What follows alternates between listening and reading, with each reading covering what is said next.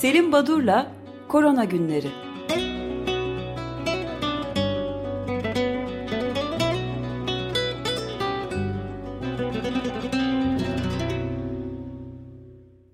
Günaydın Selim Badur, merhabalar.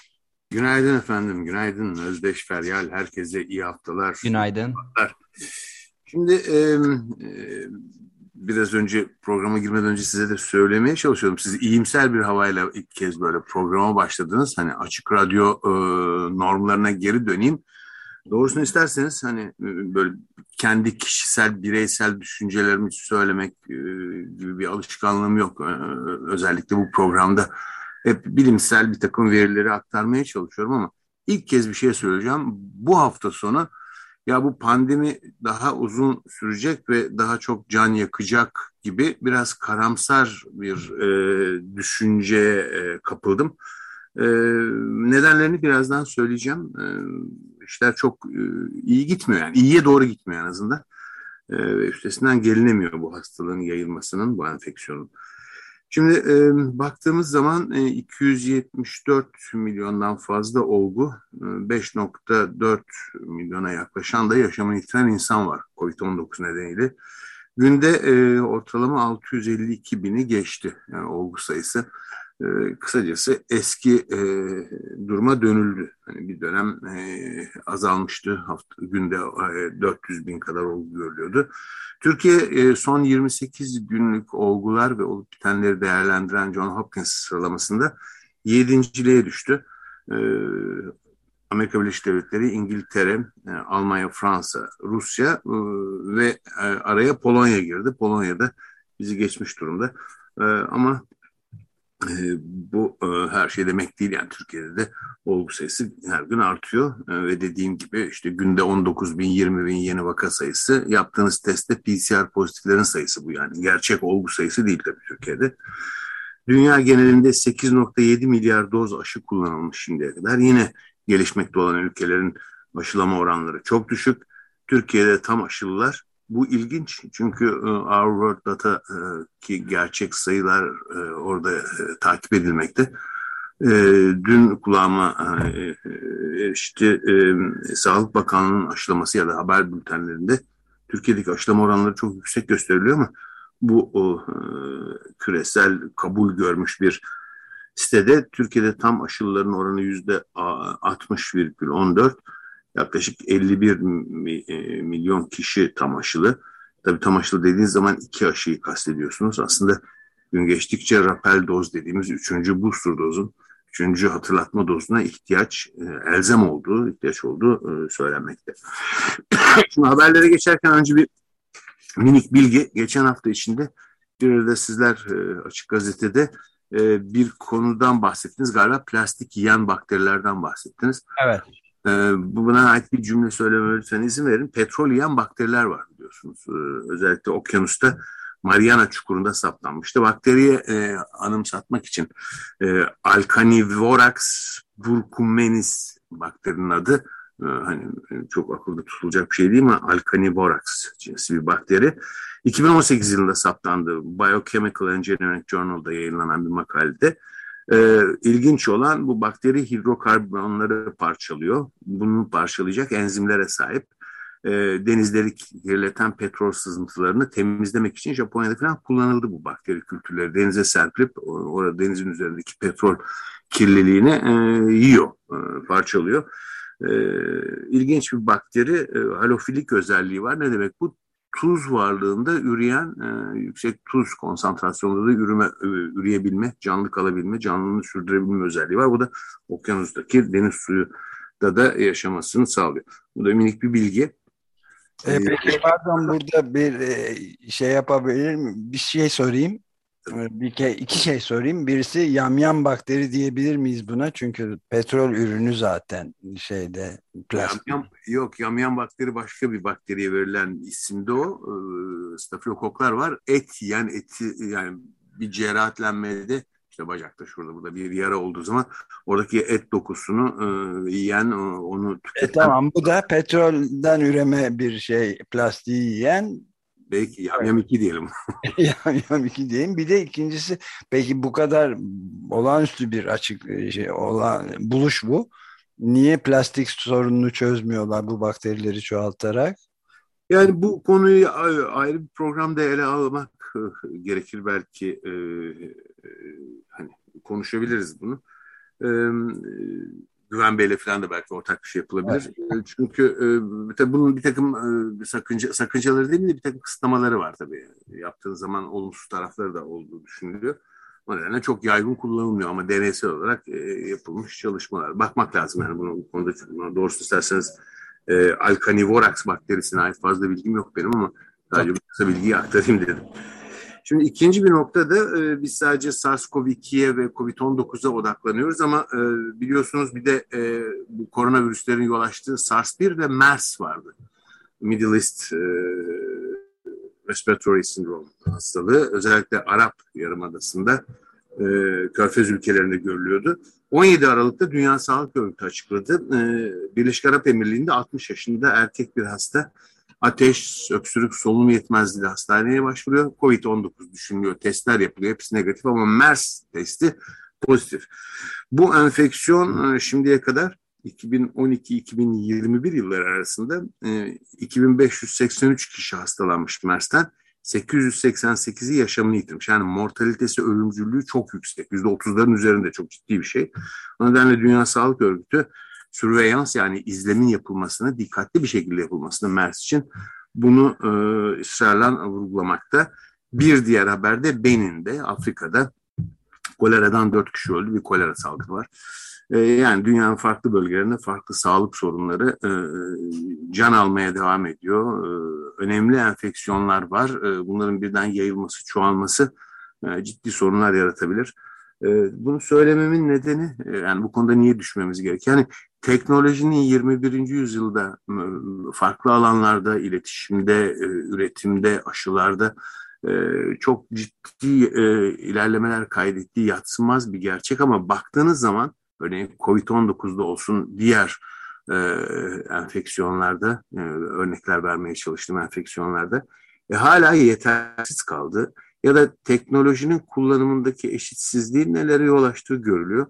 Ee, örneğin H5N1 gibi e, bir takım kuş gribi etkenlerinin hem Avrupa'da hem Asya'da e, tavuk çiftliklerinde ve doğal e, yaşamdaki e, kanatlılarda hızla yayıldığını görüyoruz. Bunların insana atlaması durumunda e, ölümcüllüğü çok daha yüksek olan e, enfeksiyonlar e, gündeme gelebilir. Şimdi e, tekrardan COVID-19'a 3 minik haberle başlayıp sonra da şu omikrona birazcık değinmekte yarar var diye düşünüyorum. Birincisi e, aslında e, Nisan ayında gündemde olan bir konuydu bu. Bazı tür maskelerin e, sakıncaları. Bizde nedense e, hani bilimsel verilerden çok e, böyle gazete haberleriyle falan insanlar e, önlemler ya da e, sağlık alanındaki e, konulara e, düşünmekte ya da o şekilde değerlendirmeler yapmakta. Bizde de görmüştük bu N95 maskeleri daha sofistike, daha gelişmiş maskeler gibi değerlendiriliyor ve insanlar bu maskelerin peşine düşmüşlerdi. E, işte imkanı olanlar e, normal cerrahi maskeler oranla çok daha pahalı ama çok daha sert işte içinde bir takım antiviral özelliği olan maddeler içeren maskelerin peşindeydi. Bunlar e, Amerika'da ne e, KN95 bizde, yani bizde N95 diye geçiyor ya da e, bunlar bilimsel olarak FFQ maskeler diye de e, tanımlanmaktaydı. Şimdi bu maskelere ait e, Nisan ayında bir e, sorunun oluştuğu raporlandı Kanada'dan. E, dendi ki e, bu maskelerin içinde e, bu antiviral özelliği olan nanopartiküller var. Nanografen dediğimiz partiküller var. Bunların içinde çok ciddi e, insan için toksik civa ve e, metal oksitler var. Bunlar kullanılmamalı dendi. E, bu maskeyi üreten herhalde çeşitli firmalar vardır ama bir tanesi e, Shangquan grubu Çin'de. E, Çin'in bu üretici firmanın e, yaptığı açıklamada e, günde 2 milyondan fazla maske üretiyoruz biz ya dünyaya satıyoruz diyorlardı. İşte Kanada olsun, Belçika olsun bunu yaygın olarak kullanılıyordu ama kullanıyorlardı. Ama hayvan deneylerinde bunun toksite özelliği e, ortaya konunca hayır bunu yasaklayalım dendi. Hatta o dönemde Avrupa Birliği e, Başkanı Ursula von der Leyen de bütün konuşmalarında falan bu maskeyi takıyordu. İşte insanlar örnek gösteriyorlar. Daha sonra sakıncaları ortaya çıkınca e, Kanada özellikle maske kullanımını durdurdu.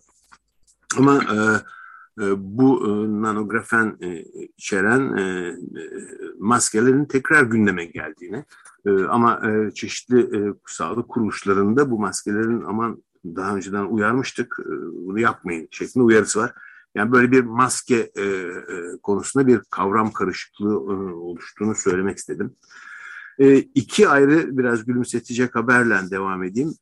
Birincisi hani ne kadar gülürlü bilmiyorum ama e, Fransa'da Garş'ta e, hangi hastane olduğunu söyleyeceğim. E, Poincaré Hastanesi, Raymond Poincaré Hastanesi'nde e, bir COVID-19 hastası 57 yaşında kadın hasta e, yaşamını yitiriyor. Şimdi ilginç olan e, hastaneye geldiği zaman COVID bulguları var. Kadın ben aşılıyım diyor ve aşı belgesini gösteriyor. Bunun üzerine aşılı kişilere uygulanan tedavi protokolleri, yaklaşımları kendilerine kendisine tatbik ediyor ama çok süratle e, tablo ağırlaşıyor ve hasta e, ölüyor. E, daha sonra e, eşinin açıklamalarından kadının aslında aşılı olmadığı, iş yerinde e, dışlanmamak için ya da işini devam ettirebilmek için gerekli olan aşı karnesini Ağustos ayında bir doktordan parayla satın aldığı, kendisinin aşı yaptırmadığı anlaşılıyor. Ve bu bir örnek olarak e, etrafa e, duyuruluyor. Deniyor ki yani siz böyle sahtekarlıklar yaparsanız bu tip belge peşinde olanlar ya da bunu sağlayan hekim, sağlık çalışanları işte e, böyle olumsuzluklara yol açabilir. Çünkü gerçekten aşılılara olan, yapılan, uygulanan protokol biraz daha farklı. Buna dikkat etmek lazım. bu önemli bir nokta diye Fransızlar altını çizmiş. Ama biraz daha gülümsetecek bir şey ilginçtir. E, maalesef diyeyim e, 2021 Dünya Güzellik Yarışması ertelendi. Porto Rico'da yapılacaktı. Evet yani e, hem e, güzellik yarışmasına katılacak ülke e, güzellerinden hem de organizasyondan 97 kişi taranmış. 23'ünde Covid-19 saptanmış. E, ve haberlerde birazcık takılınıyor. Endonezya Miss World'una e, Priscilla Carla Yules isimli bu hanımcağız e, ya aslında ben pozitif çıktım ama e, ben iyileştim e, hem fizik olarak hem de mental olarak e, ben iyiyim diyor. Bundan dalga geçiyor e, haber ajansları. Böyle bir e, durum var.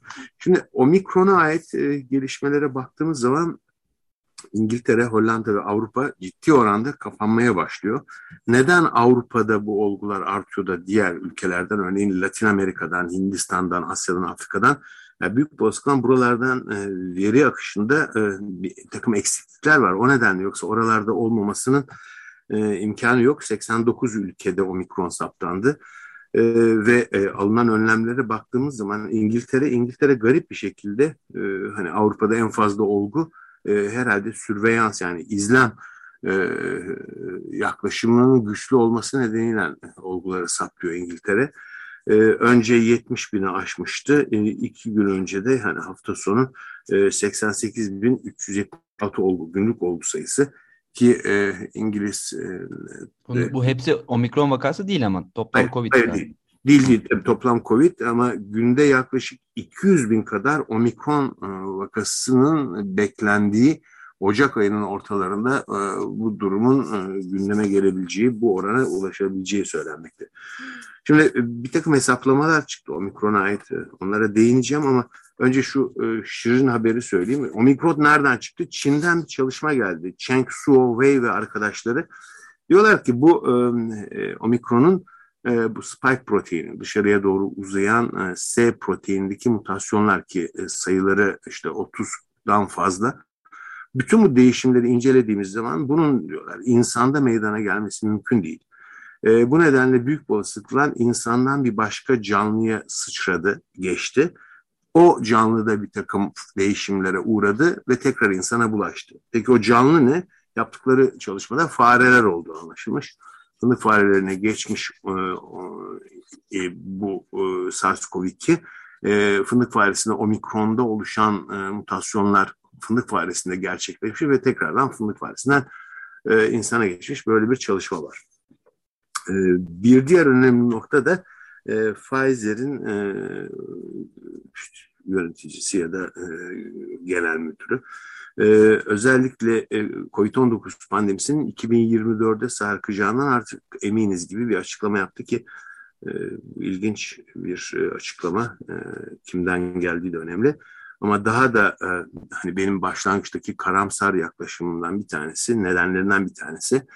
Şimdi biliyorsunuz 5 yaşa kadar e, erişkinlerde kullanılan e, 30 mikrogramlık, pardon 12 yaşına kadar e, aşı kullanılıyordu. 30 mikrogram antijen içeren, e, immünojen içeren aşılar kullanıyordu. E, 12 yaş altında 5-12 yaş grubuna üreticiler e, üçte bir e, oranında azaltılmış e, antijeni olan, virüsü olan aşıları gündeme getirmişlerdi. 10 mikrogramlık aşılar. İlk çocuklara uygulandı biliyorsunuz FDA süratten onay verdi. Birçok gelişmiş ülke 5-12 yaş grubunu aşılamaya başladı. Sonuç ilk bulgular e, bu doz aşının e, hemen hemen hiçbir işe yaramadı. E, o nedenle doz ayarlaması yapılıp çocuklara farklı bir yaklaşımın gerekebileceği konusu. Yani bu oldukça e, üzücü ya da e, e, karamsar bir tablo. Bu aşılar konusunda omikrona karşı etkililik konusunda sanırım farklılıklar oldu. Orada. Evet şimdi ona da değineceğim. Bir de şu Hollanda'ya ait bir bilgiyi aktarayım. Hollanda'da cumartesi gecesi e, Başbakan Mark Rutte televizyona çıktı. E, size kötü haberlerim var. Oldukça karamsarım. E, bunları açıklamak zorundayım. Pazar gününden itibaren yani dünden itibaren tekrar kapanıyoruz dedi. 14 Ocağı dek Cuma günü Hollanda'da toplam 15.433 olgu saptanmış ameliyatların artık e, e, ötelendi, ertelendiğini açıklıyor. Tüm e, restoran, kafe, müze, konser salonu, spor salonları bunlar kapatıldı 14 Ocak'a kadar, ocağın ortasına kadar. Noel yemekleri hariç e, eve ancak iki kişi misafir konuk alabilirsiniz. E, Noel tatilini bir hafta e, öne çekmişlerdi okulların açısından bu tatili 9 Ocak'a kadar sarkıtlar. Yani yaklaşık 18 Aralık'tan 9 Ocak'a kadar okullar kapalı. E, Londra alarmında, Paris alarmında, Paris'te Fransa şimdiden açıkladı. Şanzelize meydanında ya da caddesinde yılbaşı konserleri, işte e, Trocadero'daki havai fişek gösterileri bunların hepsi iptal edildi. E, ve belirli bir tarihe kadar e, tüm sağlık çalışanları ilk yardım ekiplerinin rapel dozları zorunlu hale getirildi. Ee, Avrupa Birliği'nin bir açıklaması var. Ee, bu ilginç bir açıklama. Ee, daha doğrusu Avrupa Birliği değil, ECDC'nin, Avrupa CDC'sinin 15 Aralık'ta e, yaptığı bu açıklamayı alarm veren bir açıklama yapıyor. Diyor ki aşılar tek başına e, omikronun oluşturacağı yıkımları engelleyemeyecek ve risk derecesinde yüksekten çok yükseğe çıkardılar. Yıl sonu kutlamaları ve seyahatlere dikkat çektiler. Ee, daha fazla e, ülke örneğine değinmeyeceğim ama Yunanistan'dan e, Japonya'ya, Nijerya'dan Amerika Birleşik Devletleri, New York eyaleti bütün bunlarda çok e, sert önlemlere geri dönüşler gözleniyor. Örneğin Japonya'da hani değinmeyeceğim dedim ama şunu söylememe izin verin. Japonya'da ülke dışında kalan bir takım işçiler ve öğrenciler ülkeye giremiyorlar. yaklaşık 80 bin kişiden fazla e, insan e, Japonya'ya girmek için vize bekliyorlar ve bunları öteliyor. Japonya bütün sınırlarını kapatmış durumda. Şimdi e, Peki ben de bir şey sorabilir miyim bu arada pardon oraya girerek yani e, peki Türkiye'den bir şey var mı önlem var mı çünkü e, Cumhurbaşkanı Erdoğan Türkiye Afrika Ortaklık Zirvesi'nin açılış oturumunda açıklamalarda bulunmuştu ve Yaşayıcı hastalıklara ait bir şey söyledi. 15 ee, milyon doz aşıyı paylaşmayı planlıyoruz dedi Afrika ile. Zirvenin açılış oturumunda konuşmasında. Ee, yani bu e, önemli bir e, açıklamaydı ama e, Türkiye'nin kendisi de biraz önce sizin de söylediğiniz gibi kaçıncı altı yedinci ben de şu anda bakınca altı da görünebiliyor. Yani dünyanın en yüksek vaka sayılarından birine ve oldukça da yüksek işte 19. da e, vefat sayılarına sahip bir ülkede hiçbir tedbirden bahsedilmiyor epeyden beri. Bir şey yapılması düşünülmüyor mu? Şimdi tabii adı geçen ülke diyeyim. Bu ülkede verilerin hiçbirisinin ne kadar sağlıklı olduğu, neyin ne için yapıldı. Mesela PCR testi bu ülkede diyelim ki 300 bin, 250 bin günlük PCR testi yapıldı. 19-20 bin pozitiflik saptandı. Bu test kime yapılıyor? Biz bunu bilmiyoruz ki. Yani klinik bulguları olanlara yurt dışına gitmek için e, hani PCR testi negatiftir belgesi almak içinler dahil mi? Temaslılar e, dahil mi? Kime yapıldığı net değil bilmiyoruz. E, ve e, o nedenle hep söylediğim bir şey var yani 250 bin 300 bin kişi yerine siz 500 bin 1 milyon kişi tarayabilsiniz bir günde e, olgu sayınız günde 20 binden 30 bine, 40 bine, 50 bine çıkacak belki. O nedenle sağlıklı bir veriye ulaşmak, neyin nasıl yapıldığını anlamak mümkün değil. Bakın aşılama konusunda e, Our World e, in Data'da e, biraz önce belirtmeye çalıştım. %51 oranında tam aşılı de, deniyor Türkiye için. Ama Sağlık Bakanlığı açıklamasını hafta sonu duydum. Orada çok daha yüksek oran. Yani e, neyin nasıl olduğunu e, bilemediğim, doğrunun ne olduğunu bilemediğimiz için e, Türkiye konusunda açıkçası yorum yapmıyorum. Bunu e, Kaya evet. ve Osman Akbek daha iyi yapıyor. Onlara bırakıyorum. Perşembe günleri. Yani Osman şeyden e, Hollanda'dan Japonya'ya kadar biraz önce örneklerini verdi. Gayet zorunlu olmayan işletmelerin bir ay kapatılması gibi ciddi önlemler var. Fransa'da da İngiltere'de şurada burada ama Türkiye'de hiçbir şey yok. Evet, evet yani e, herkes yaşayanlar dinleyiciler görüyorlar yani sokaklarda ne olduğunu e, alışveriş merkezlerinde ne olduğunu yani insanlar e, Batı ülkelerinde Fransa'sından Japonya'ya Almanya'dan işte New York'a kadar evlere kabul edilecek kişi sayısındaki kısıtlamayı konuşuyorlar. Bunu uyguluyorlar. İşte New York'ta çocukların restoranlara girmesi ya da spor yapabilmesi aşı zorunluluğu getiriliyor. 5-11 yaş e, grubunda ikinci doz aşı olanların oranı New York'ta %19 kadarmış. Ama bir yandan da bu aşının e, çok da etkili olmadığı yani o yaş grubuna kullanılan dozun çok etkili olmadığı e, söyleniyor. İşte Hollanda Başbakanı'nın açıklaması var dediğiniz gibi. Yunanistan'dan haberler var filan. Esin Davutoğlu Şenol'un da T24'teki evet. açıklamasında biyolojik matematik modellemeler birkaç ay içinde tüm yer küreyi kaplayacağını düşündürüyor. Yani senin o yorum yazısı önemli ve, ve çok da doğru. Çok katılıyorum. Kısıtlamalar dahi yetersiz kalacak diyor. Müştereklerin trajedisi yani çok o, ciddi bir uyarıda bulunmuş en uzun pandeminin en uzun gecesi başlıklı yazısıyla Esin Hanım. Evet. Şimdi Arjantin'de de sosyal patlama eşinde biz bir süreden beri Latin Amerika'yı unuttuk biliyorsunuz. Ee, yoksulluk, enflama, e, enflasyon, enflamasyon diyorum enflasyon e, dayanılmaz boyutlarda borçlanma. Kasım 2020'de e, enflasyon oranı %51 olmuş. E, Arjantin'de yani 2001-2008'de yaşadıkları o e, ciddi ekonomik krizlerin e, eşiğindeler. Toplumda %44'de artık fakirlik sınırına dayanmış durumda. Bütün bunlar olup biterken şu omikrona bakalım. Biliyorsunuz omikron e, üzerinde durulması gereken önemli varyantlar grubunun beşincisi. E, daha çok bulaşıcı ama e, hep dendi ki daha hafif hastalık yapıyor dendi ve hatta iyimser bir yaklaşımla bu hızla yayılan ve tamamen e, işte dünyadaki virüsler bu tip bir virüs olacak yakında çünkü çok hızlı yayılıyor. E, hafif de enfeksiyon oluşturuyorsa o zaman e, belki de pandeminin sonudur. Ya, hayır öyle olmadı. Çeşitli matematik modellerle gösterilmeye başlandı. İngiltere'den bir matematik model diyor ki öldürme hızı e, binde 8 çoğalma oranında e, 1.1 olsun. Bu e, klasik e, Wuhan suçu yani başlangıçta bildiğimiz COVID-19 etkeni. Bu özellikle 30 günde 129 kişi hayatını yitiriyordu.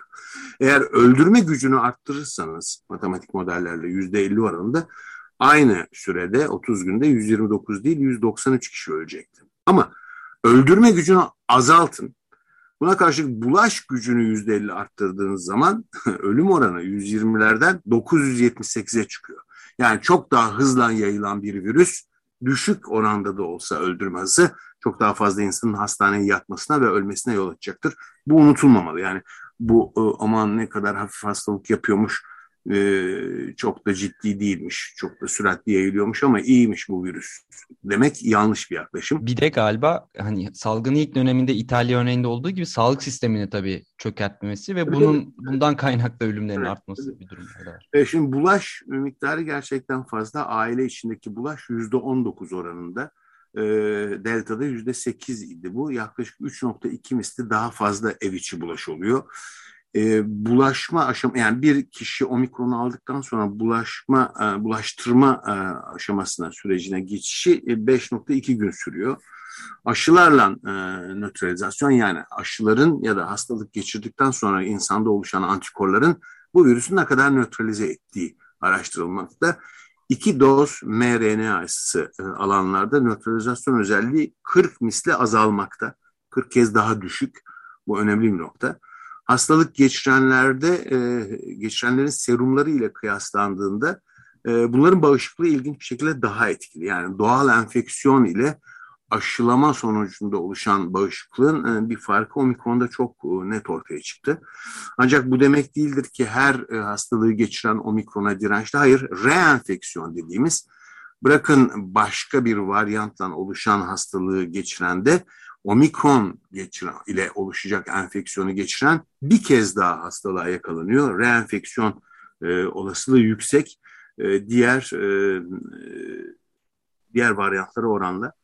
Bu arada bir, bu birazcık bir ayrıntı ama iki alt grubu var e, omikronun. Çok fazla değinilen bir şey değil. Bir tanesi BA1 e, varyantın klasik bütün karakteristik mutasyonlarını taşıyor. Bir diğeri BA2 daha az görülüyor ama bu BA2'nin özelliği e, S genindeki bir farklı özellik nedeniyle e, omikronların küçük bir bölümü BA2 grubundan. Bunlar da e, S gene target failure dedikleri PCR'la saptanamayan e, olgular. Bu da önemli. Yani omikronla enfektesiniz. Bu ender görülen BA2 tipiyle eğer enfekteyseniz sizin e, PCR testiniz başına itibaren negatif çıkacaktır. Bu da üzerine dikkat edilmesi gereken, düşünülmesi gereken bir nokta. Sonuç, sonuç Uluslararası İlaç Üreticileri Federasyonu İFPMA demiş ki 2021 yılında 11 milyar doz COVID aşısı üretildi. Teknolojide ve aşı üretiminde bu çok büyük bir devrimdir insanlık tarihinin en fazla aşı üretilen sürecidir demiş. Ama e, aşılar evet e, aşılar e, yani çok dört dörtlük yüzde yüz koruyucu değil ama şu anda e, alınan maske, fiziksel mesafe, e, el hijyeni ve havalandırma gibi e, non farmasötik diyelim ilaç dışı, e, eza dışı e, önlemlerle birlikte aşılar hala geçerli koruyor. İki doz aşı önemli. Üçüncü rapelin yapılması gerekli. Hangi aşıyı yaptırdıysanız yaptırın. Ama üçüncü dozda bağışıklanmak önemli. Fakat ne yaparsanız yapın yine de e, tam e, koruma sağlanamıyor. Bunu unutmamak lazım. O nedenle davranışlarımızı gerçekten e, hani aşılıysak bir rahatlamaya e, gerek yok. Unutmayalım aşılar çok önemli ama asla yüzde yüz koruyucu değil aşılanma e, başvurması gereken en önemli sağlık e, önlemi. Bunun yanında da bu maskeyi, fiziksel e, mesafeyi e, unutmamak lazım. Yani futbol meraklıları da e, hastalığın yayılmasıyla beraber İngiltere başta olmak üzere birçok ülkede, Amerika'da, e, Avrupa'da e, hem futbol hem e, Amerikan futbolu, rugby gibi bütün e, spor faaliyetlerinin gittikçe e, yasaklandığı, kısıtlandığını e, e, görüyoruz. Bu da e, böyle bir e, spora yansıması. Bunu akran konuşursunuz diye düşüneyim.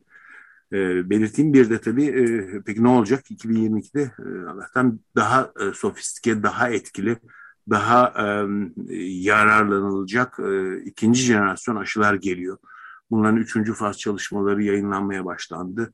Ee, bunlar da daha iyi sonuçlar alınıyor. Ee, ama yine de elimizdeki şu andaki aşıları hiç küçümsememek, hiç yatsımamak önemlerini ve aşılamayı e, arttırmak gerekiyor. Ben burada durayım. Size iyi haftalar efendim. Çok teşekkür ederiz. Görüşmek tamam. üzere. Görüşmek üzere. Sağ olun.